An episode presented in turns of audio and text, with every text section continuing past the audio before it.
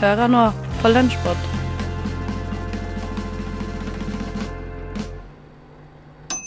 Å vite vet Vitenselskapet.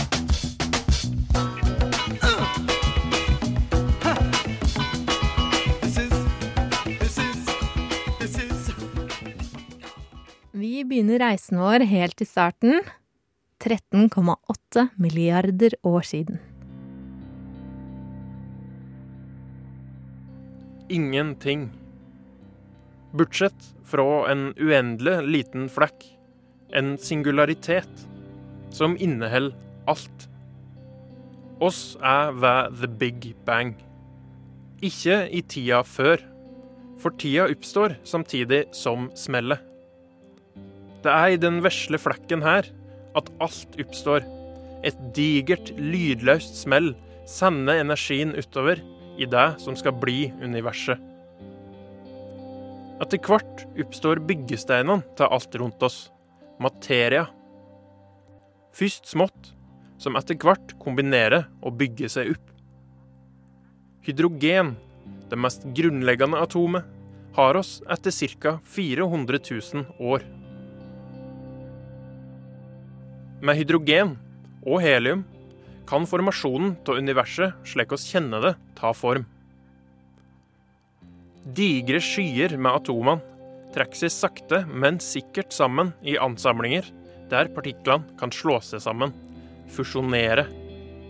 I supernovaer smelter de enkle atomene sammen til stoffene oss kjenner her på jorda, hele veien opp til uran.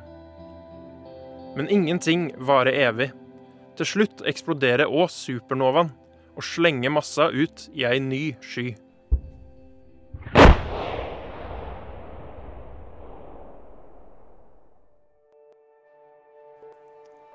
En av disse skyene som svever rundt i universet, har spesiell betydning for oss. I midten kollapser skya raskt til et nytt fusjonskraftverk, sola vår. Lenger ut i skya klarer materien å unngå å bli sugd inn i midten og forme seg til mer eller mindre stabile klumper, planetene. Nummer tre fra sola samler seg over ti millioner år til en varm smelteklump. Den blir ferdig fire og et hardt milliarder år sia. Jorda er født. Mye skal skje på jorda før den er et egnet sted til at livet kan oppstå. Først må den kjøle seg ned og organisere seg i lag med ei kjerne i midten. Et elektromagnetisk felt omringer planeten og fanger atmosfæra.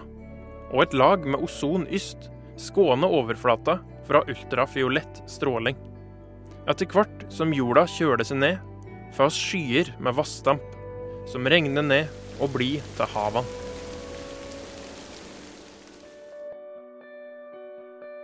En milliard år eller så etter formasjonen begynner liv å ta fotfeste på jorda.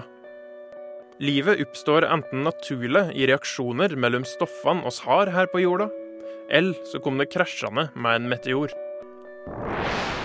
Uansett er det livet oss har nå, ei videreføring av det som kom før. Oss kjenner alle hva som viderefører livet. Genene våre, DNA. Tidlig liv var enten styrt av DNA eller den enklere bror, RNA. I starten er det mulig at DNA ikke var bundet til hver enkelt, sånn som du tenker på at ditt DNA er ditt eget i dag. Bakterier kan ha hatt en fri flyt av DNA seg imellom, der alle kan få det som naboen har, som funker bedre. Etter hvert blir i alle fall DNA-et det som gjør at reproduksjonen blir mugle, i første rekke blant bakterier. Imperfeksjonen i gjenskapelsen gjør at gener er dynamiske, og de som passer best i omverdenen, overlever og formerer seg mer. Voilà evolusjon. Den andre avgjørende faktoren for at vi skal kunne ende opp her i dag, er at cellene slår seg sammen og samarbeider i flercella organismer. Forskjellige former for liv gjør dette på ulike tidspunkt, og oss ender opp med røde, brune og grønne alger, sopp, landlevende planter og ikke minst dyr. Maskineriet er klart, og vil til slutt ende opp med oss.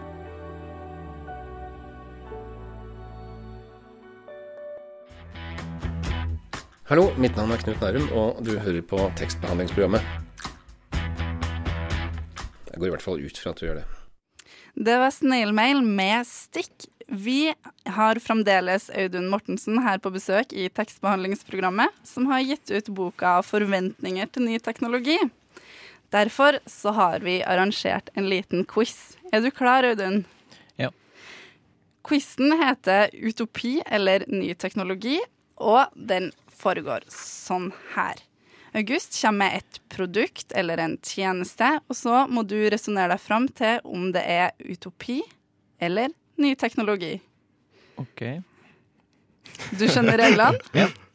Vi spiller utopi eller ny teknologi. Er det utopi eller ny teknologi?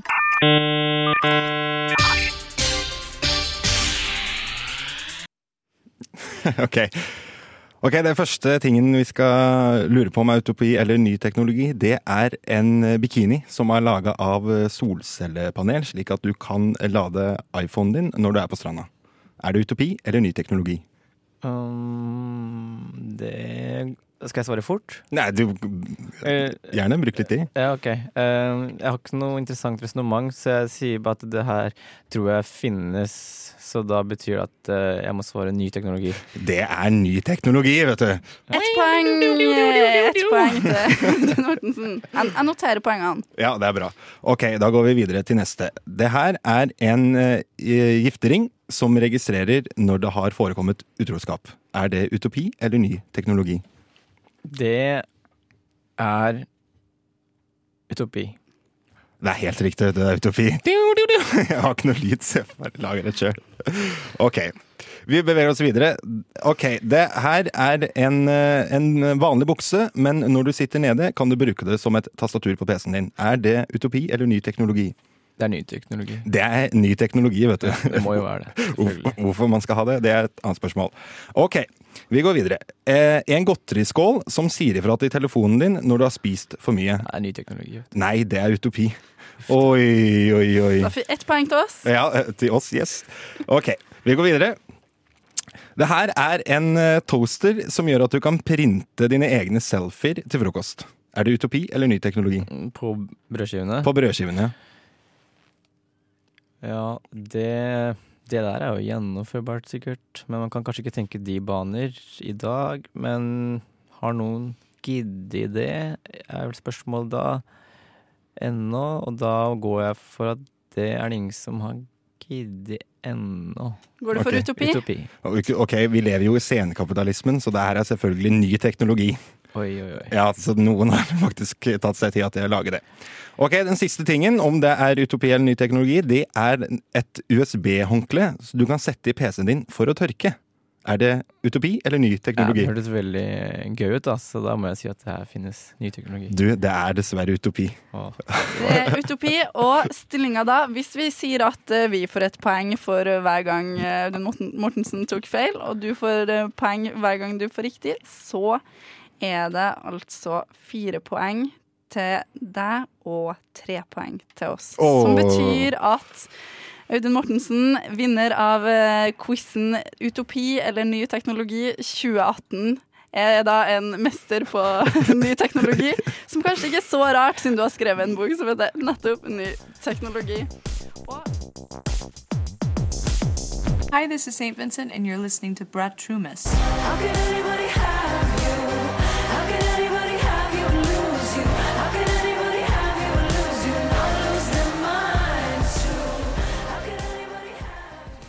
god, my, I wrote such bad songs back then. I was such a bad songwriter. I wrote a song about, I think I rhymed face with face back in the day. I was that bad at writing lyrics. Um, but I, I do remember writing a song about my grandmother's house and, and, you know, playing in the garden as a child and stuff like that. But I, I, I didn't really have much didn't have much to write about to be honest when you when you're kind of 16 and yeah you're living a pretty great life for me so yeah Drøyt ti år har gått siden Stella Donnelly fra Perth spilte på markeder, utenfor butikker og spilte alle andre sine låter enn sine egne. Men etter hvert følte hun seg moden og modig nok til å lage egen musikk, som har resultert i at hun ikke lenger trenger å spille andre sanger. I dag turnerer hun på flere kontinenter, har varmet opp for folk som First Aid Kit og Lucy Dawkins, og spilte på Iceland Airways-festivalen. For henne var det singelen 'Mechanical Bull', den du hører i bakgrunnen her også, som satte det hele i gang. Og den ble godt mottatt av de fleste, men ikke nødvendigvis alle. Well, it, I shouldn't have been playing a New Year's Eve party for one. That was the that was my mistake. But yeah, I was playing in a pub, and and he just kind of was just like, "When is this shit over? This is depressing." And I loved that. I thought that was really funny because he's the type of person that I was writing the song about in the first place. So it all kind of made sense. Etter dette slapp hun fjorårets debut-EP, Thrush Metal. En utgivelse hun var sikker på at kom til å bli kjøpt av drøyt 30 venner og bekjente, og derfor kalte hun opp EP-en delvis etter en soppinfeksjon i underlivet, og brukte et bilde av seg selv som slurper i seg nudler fra en pappskål, som coverfoto. Likevel var kritikerne fort samstemte om Stella. Hun ble fanget opp av radiostasjonen Triple J i Australia, og etter hvert ble hun annet kalt en feministisk folkehelt av Fact Magazine. Spesielt for én låt som handler om mistenkeliggjøring av offer for seksuelle overgrep og voldtekt. Den ble skrevet året før metoo-bevegelsen skjedde, og heter Boys Will Be Boys. My friend told me of a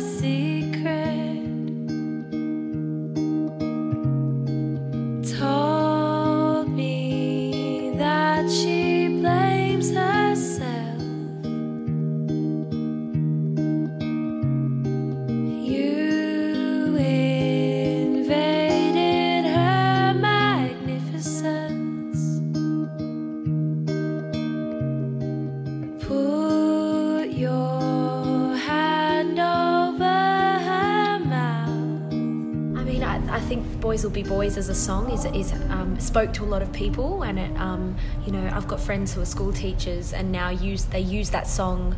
Um, in their lessons with their students to teach them about you know the, the the social kind of you know attitude we have in Australia towards sexual assault and victims of sexual assault. So I guess I guess it's because of that. But honestly, um, I feel like I'm only like a tiny, tiny, tiny piece of a bigger puzzle of amazing people who are speaking out about this stuff. So yeah, I'm I'm just a little pawn on the chessboard. Have you ever got any negative reactions to that song? Uh, yeah, I played a gig in um, I played a gig in Amsterdam, and I said, "Oh, this song, I have to give a content warning. It's about sexual assault." And this man in the front row went, "Oh."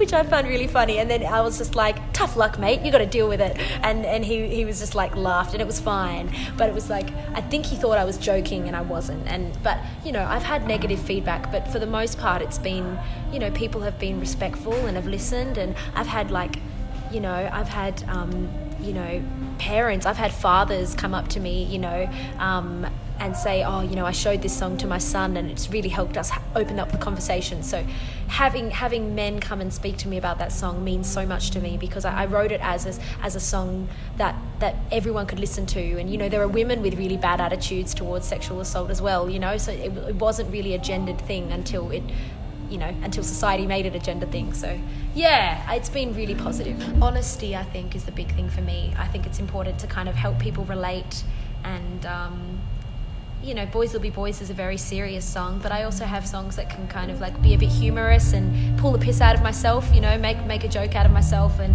I think it's important to be able to be honest and not, for me anyway, I don't want to be fake up there because if I'm playing this many shows, being fake will end up kind of being hard work, you know, at least I'm up there being my dorky self, so that's nice. Yeah. Do you think that also is a way for you to Oh, definitely. And what it does is I make jokes and then I hit them with boys will be boys and then they least expect it.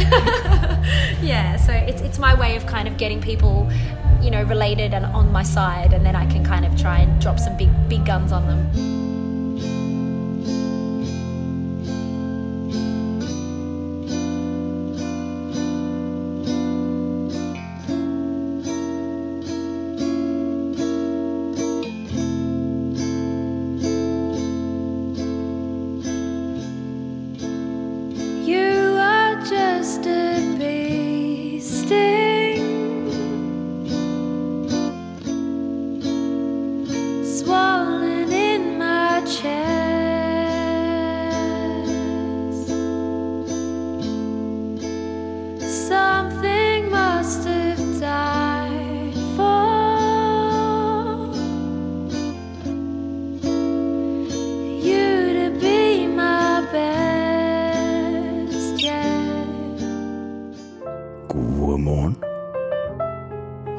Sovet godt?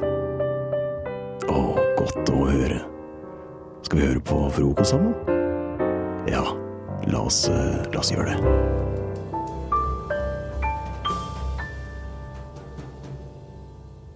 Ja, dere, i forrige uke så tapte jo jeg eh, utfordringen. Eh, jeg tapte imot Anniken da vi dystet i parodi av Erna Solberg, Knut Hareide og- og Else Kåss Mm. Rabarbragrøt. Rabarbragrøt, ja. Mm. Dystet er for få som bruker. Veldig fint ord. Ja, altså. enig. Mm. Så jeg måtte pent eh, ta den straffen jeg fikk, som var å fortelle vitser eh, til, til fremmede mennesker uten å introdusere meg selv. Jeg sy- syns bare vi kan høre, jeg. Det kommer, det kommer nå. Onsdag 21. november. Jeg skal i dag fortelle vitser til vilt fremmede mennesker, helt uten å presentere meg selv. Nå er jeg på vei til Mega, og det var veldig mange mennesker der. Hvorfor er det så mange mennesker her? Dette gjør min jobb veldig vanskelig. Jeg skal i godteriavdelingen. Jeg er en kvinne av få vitser. Men jeg har én vits. Da trenger jeg japp, japp, snickers og twist. Jeg kan én vits, og det er den. Første offer på Mega er to jenter som ser ut som de går på ungdomsskolen cirka. De står ved sjokoladehylla. Lett bytte, tenker jeg. Om jeg går lei av å jobbe på sjokoladefabrikken? japp, japp, det skal være snickers og twist. jeg orker ikke det her. Jeg orker ikke. De ser veldig rart på meg etter at jeg har fortalt vitsen min. Og jeg merker at jeg blir nødt for å gå for noen som har litt mer humor neste gang. Så får jeg øye på en kvinne som står i den parallelle sjokoladehylla. Blondt hår, middels høy, blå øyne. Akkurat som å se meg selv, så jeg lusker meg bort og håper på i hvert fall en sympatilatter eh, denne gangen. Om jeg blir påvirka av å jobbe på sjokoladefabrikken? japp, japp, det skal være snickers og twist. Ingen latter å få her heller. Jeg må heller prøve meg på noen med litt mer eh, mannlig karakter, kanskje. Å herregud, dette er den verste utfordringen noen gang har fått. Og jeg holder på å daue. Og folk syns det ikke er gøy. Jeg er en, jeg er en kvinne av veldig få vitser. Men man må bruke det man har. Nå snakker jeg med meg selv på butikken. Mens jeg spiser en Fisher Man. Nå, nå møtte jeg et kjærestepar. Vent litt. De eh, blir utpekt som siste offer, og her kan jeg i hvert fall håpe på litt ekte latter. Om eh, jeg blir påvirka av å jobbe på sjokoladefabrikken? Japp, japp, det skal være snickers og twist. Ekte latter, mine damer og herrer. Mitt arbeid her er ferdig, og jeg ser meg nødt til å forlate Coop Mega og aldri, aldri komme tilbake. Frokost. Programmet du våkner til alle hverdager fra syv til ni. Før eh, sangen så fylte vi ut en adjektivhistorie jeg har eh, skrevet. Den er en fortsettelse på eh, adjektivhistorien jeg skrev i forrige sending.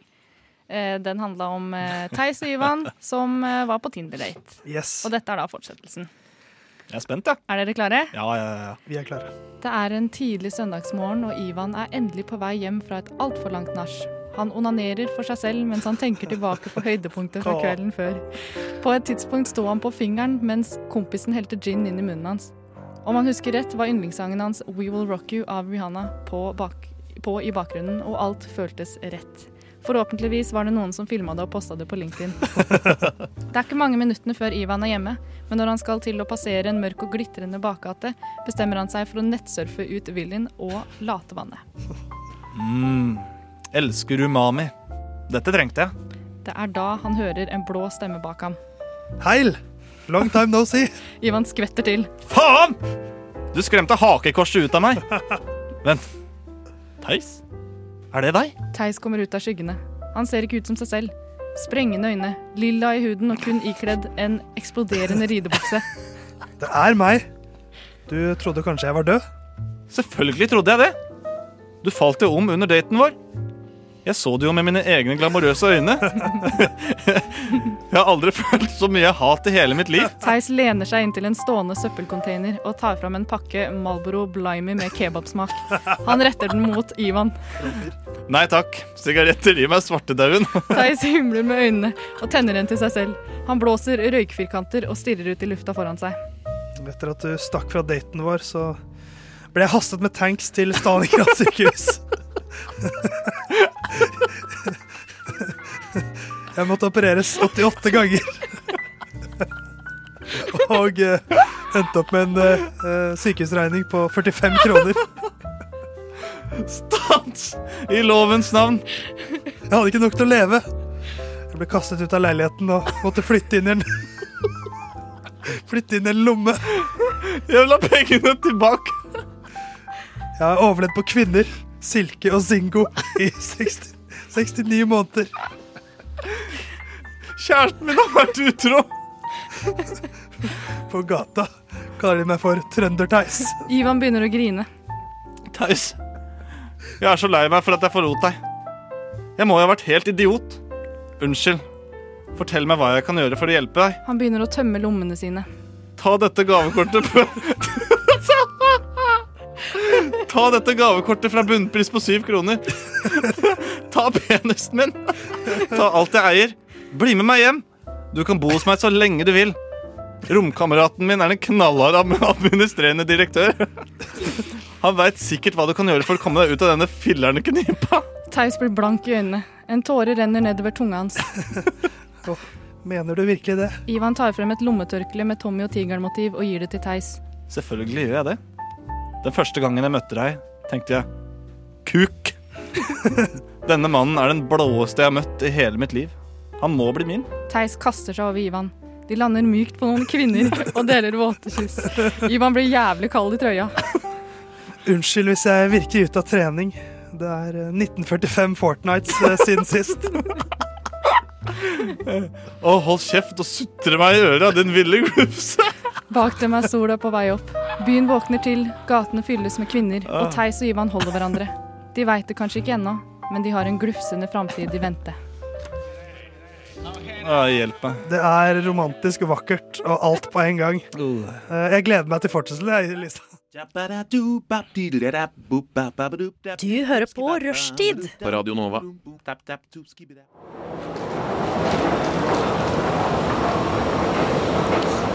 Jeg elsker Norge. Ikke misforstå, men vinteren kan jo bli litt lang. Derfor er det fint å reise ut da og nå til fjernt og fremmed land.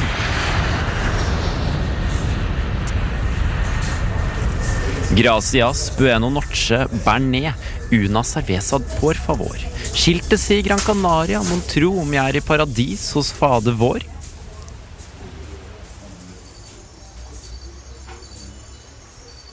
Jeg er en velgjører, en fremmed velgjører. Jeg er en nordmann på chartertur. Bidrar til økonomi, her er det billig sprit og souvlaki, og jeg opplever ny kultur. Marbella, Tenerife og Ar Arguine Guin, mange steder med rare navn. I bagen ligger rømmedressing og prevensjon. Kanskje jeg i kveld får sovne stille inn i en eksotisk kvinnes barm. Komme hjem til min kone med ekspansjon av sinn, av kropp, brun hud, blond lugg. Ikke vær gjerrig med aircon, skal ikke ha noe mugg. Skal ikke ha noe juggel, men den capsen var fin. Hei, hei, vent litt på meg, gutta, jeg må bare ta astmamedisin. Jeg er elsket her, sammen med min norske kultur her. Kaffe Baileys med pisket krem, en kjøleskapsmagnet og 25 grader gjør meg het, og det hjelper mot mitt eksem. Hils på meg med en eh, god kveld, tjena, kom hit. Da er jeg ikke vond å be, og om du i tillegg byr på VG og litt vin, da blir en tier i tips, skal du se. Når kvelden kommer, er det lov å kose seg på en enkel pianobar. En skallet mann med hatt synger bobbysocks, og jeg er to Irish unna livets fasitsvar. Oi sann, nå går det unna, gitt. Ikke noe er som litt akevitt for å gjøre meg om til et sjarmtroll. Jeg er sånn faren din baker. Jeg ser frem til pensjonistalder. Jeg vil dø under en parasoll. Nei, men hei, Carl og Eli. Hvordan står det til? Skal vi ta en siste golfrunde? Fy fankeren, Carl. Det var litt av en driverstil. To over par, sier du. Vi får vel nedrunde. Mett og glad, men må pakke bagen. Bagge en hotellsjampo. Sjamponere, skylse og balsamer. Skitt må rekke fly. Det går om tre kvarter. På tide å dra, min kos. Med et fly driftet av Bjørn Kjos. Snart hjemme, snart fremme, men akk og ve, vi må jo ikke glemme det siste stoppested rett før bagasjebånda. Hakk i hæl, mer sprit og mer tobakk. Taxfree-kvota er jo altfor liten og fæl. Så sitter jeg igjen hjemme. Bankkontoen måtte se et par laken svinne, men helle måned, vi har jo bare investert i det rå minnet. Og noe som får bli fremtidens sinne, en gryende ondartet føflekk. Samme kan det egentlig være, men jeg lengter jo tilbake, så samme bør helst ikke være flyskrekk. Skumma kultur. Alle hverdager fra ni til ti. På Radio Nova. Vi har jo da, Snorre og jeg, kjøpt en 1986 eh, Fiat Ducato bobil. Så vi prøver å komme oss over til Skottland. Kanskje jobbe på noen whiskydestillerier der og litt sånn. Til India, Sør-Korea, Japan. Så vi krysser Stillehavet, kjører gjennom Nord-Amerika, Mellom-Amerika og Sør-Amerika til vi ender opp på Kapp Horn. Harald har jeg kjent siden jeg var liten. Vi er begge fra Fredrikstad. Jeg er født på Island. Vi er utdanna fysioterapeut og har eh, egentlig bare hatt lyst til å reise litt i det siste. Og plutselig en dag sier Snorri la oss dra med bobil til India. Og så finner vi ut ja, hvorfor ikke? Hvorfor ikke dra lenger? Og så har det bare balla seg på med ting vi gjør og ting vi må finne ut av, og hvordan vi skal løse ting og alt sånt på veien. da. Blir det en komfortabel eh, bil dette her å være i? Altså, Hvordan er rusta for, eh, for den eh, turen? Komfortabel er kanskje ikke det adjektivet jeg ville brukt. Men den, den gjør nytten. Hvis du ser for deg en bobil, en komfortabel bobil, så fjerner du ordet 'komfortabel', og så fjerner du det som da er igjen etter det. Og så, Da begynner du å nærme deg noe. Men den har en behagelig seng, eh, OK sofa, solcellepaneler, så vi kan skrive og oppdatere. Den har Ja. sånn portpotty, heter det. Det er en båttoalett, på en Ja. måte da med sånn kassett du på en måte går på, do, så kan du dra ut greia etterpå. Så må du da helle det ut sånn fysisk. Murphy har vi døpt bilen etter Murphys lov. Alt som kan gå galt, vil gå galt. Men den heter ikke bare Murphy, den heter Murphy nummer én. Fordi vi er innforstått med Den kan hende den ikke blir med hele veien. Det kan hende at de må skaffe en ny Murphy. Det kan fort hende. Og det kan fort hende at de siste Murphyene blir beina våre. Kommer det til å være stuck på en vei midt i Afrika eh, med en eh, bil som ikke funker? Ja, da blir det litt hva gjør vi da? Vi kan jo egentlig ingenting om bil, ingen av oss. Men eh, i forhold til hva vi kunne for to måneder siden, så kan vi mer nå. Vi vet hvor vi skifter olje. Vi kan få panseret. eh, Sånne ting. Det er greit. Eh, Ja, det er alltid greit. Coilen vet vi hvor er. Det Ja. visste vi ikke engang hva var før. Nå har vi lært det, for den røk. Så derfor lærte vi hvor det er. Så det er sånne småting vi kan gjøre. Og så tenker vi da, når hvis vi kommer i en sånn situasjon, når vi er stakk på landveien, må vi prøve å løse det vi kan selv. Og så må vi bare vente til det kommer noen forbi som eventuelt har muligheten til å hjelpe oss hvis vi ikke kan lenger. Det tar ikke en risiko da med å gjøre dette. Det er alt er en risiko. Det er ikke alle steder i verden som er like trygge. Det er sant. Eh, men det er det som blir interessant å se, at eh, når man møter mennesker én til én, kanskje, eller få til få, da, at eh, de er gavmilde, snille, sånn som oss, da. At ikke de er sånn som de eh, blir sett på fra oss. da. Vi gjør det på denne måten fordi da må vi på en måte oppsøke lokalbefolkning. Eh, Det blir ikke bare å booke inn på et, sjekke inn på et hotell da, og sove der og dra på noen utesteder. Det blir jo da selvfølgelig en språkbarriere også. Så da blir det jo eventuelt å prøve å bruke litt kroppsspråk, da. Så det går litt tilbake til hvordan mennesker reiste litt før i tiden. da. Marco Polo, da, for eksempel, den tiden der. da. Du kommer til steder, kjenner ingen, kan ikke nesten kommunisere med dem, men du klarer likevel å overleve der. Radionova er best. Alle andre er tapere. Radio Nova. Vi i radiotjenesten ser på det som hårreisende at sjakk-VM dekkes to steder med fullt team på TV, uten at vi radiolyttere får være med på moroa. Dette har vi tenkt til å gjøre noe med, derfor har vi sendt tjenestemann Gregersen til London. Og la oss nå få høre på hans dekning av gårsdagens parti. Eh, ja, vi er her i uh... Shut up! Ja, unnskyld. Jeg befinner meg nå ved bordet der Carlsen kjemper i svart mot Caruana. Carlsen har nettopp gjort E4 som sitt 20. trekk, et offensivt, men forpliktende trekk. Og som dere kanskje hører, er publikum i ekstase. Dette har tatt en helt ny vending, og alt kan nå skje. Caruana ser betenkt ut. Han liker dårlig den svarte offensiven og ønsker å sette en stopper for dette så tidlig som mulig. Om han ikke gjør noe nå, kan svart ende opp med å dominere hvit side, noe som er uhørt. Eh, Skal han nå utvise den svarte bonden på H6 og skape harmoni for sentrumsbøndene? Eller spiller han A4 og tvinger den svarte springeren tilbake der den kom fra, for å skape luft for den hvite kongen, og i så måte sette et eksempel på hva han syns om svarts inntrengning på hvitt område?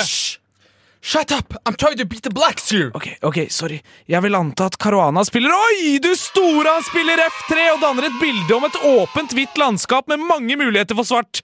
Men det er nok en felle, der de kan risikere å bli sendt ut én etter én. For at denne sendingen ikke skal ta så lang tid, hopper vi fram i tid. Eh, der! Der, ja! Eh, Karlsen har nok en gang kjempet en innbitt kamp, svart mot hvit, for å avgjøre hvem som er best. Det endte nok en gang i remis, men dette kunne gått begge veier, som alle de andre intense og spennende partiene. Sa du korona? Eh, ja takk, gjerne. Lime og Karlsen, hva syns du om partiet i dag? Uh, uh, vær så god. Uh, nei, jeg gjør det greit, men jeg har dessverre de svarte brikkene og får ikke integrert meg til noe spillet på lik linje med, med de hvite. Uh, ja, så du liker best å være hvit? Ja, uten tvil.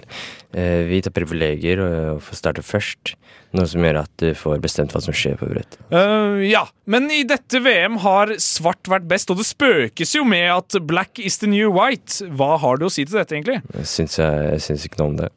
Det er en unaturlig trend vi må gjøre noe med.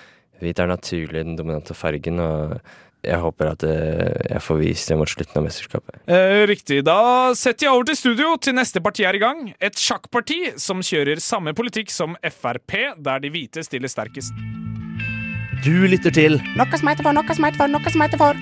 Radiotjenesten på DAB og internett. Come, my lady, come,